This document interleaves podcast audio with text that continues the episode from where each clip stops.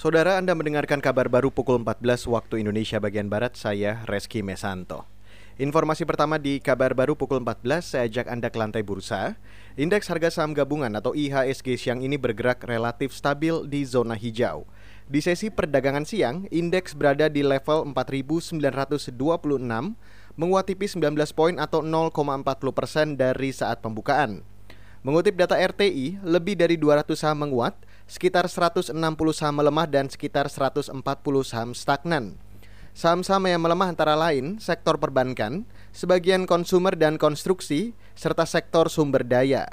Saham yang menguat cukup tajam antara lain Sumarekon Agung terbuka menguat 3,67 dan Adaro Energy terbuka menguat 4,42 persen.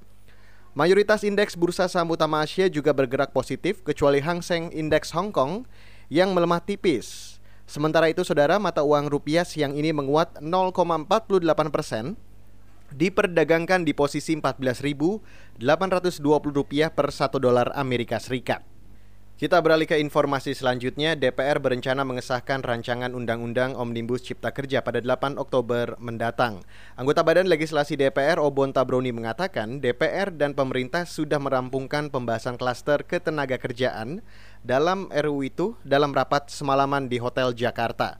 Tabroni mengatakan dengan selesainya pembahasan klaster ketenaga kerjaan, maka pembahasan RUU Omnibus selesai 99%. Jadi secara total, hari ini itu sudah hampir 99% pasal-pasal dalam klaster ketenaga kerjaan itu sudah disepakati bersama. Yang satu persen hanya pada persoalan penghalusan bahasa, terutama yang banyak itu pada uh, klaster tentang ketenaga kerjaan. Anggota Badan Legislasi DPR Obon Tabroni menambahkan, pembahasan klaster ketenaga kerjaan menimbulkan perdebatan alot, terutama pasal krusial tentang perjanjian kerja waktu tertentu atau PKWT hingga pasal outsourcing atau pekerja kontrak. Menurut Obon Tabroni, pasal pekerja kontrak akan diatur melalui peraturan pemerintah. Sementara itu berbagai organisasi buruh berencana menggelar aksi mogok kerja nasional tiga hari.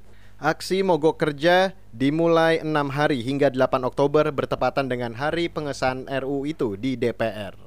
Kita beralih ke informasi dari Bank Dunia. Lembaga Bank Dunia memperkirakan pandemi COVID-19 menaikkan angka kemiskinan di kawasan Asia Timur dan Pasifik. Kenaikan itu untuk pertama kali dalam 20 tahun terakhir. Bank Dunia memperkirakan sekitar 38 juta orang tetap berada di zona miskin atau terdorong ke dalam kemiskinan. Perkiraan itu muncul dalam laporan Bank Dunia edisi Oktober 2020 yang diterbitkan hari ini. Menurut Wakil Presiden Bank Dunia untuk kawasan Asia Timur dan Pasifik, Victoria Kwakwa, pandemi COVID-19 tidak hanya berdampak buruk bagi warga miskin, tapi juga memunculkan masyarakat miskin baru. Bank Dunia memperingatkan jika tidak ada tindakan segera oleh negara di berbagai bidang, maka pandemi bisa mengurangi pertumbuhan regional dalam 10 tahun ke depan sebesar 1 poin persen per tahun. Demikian kabar baru KBR, saya Reski Mesanto.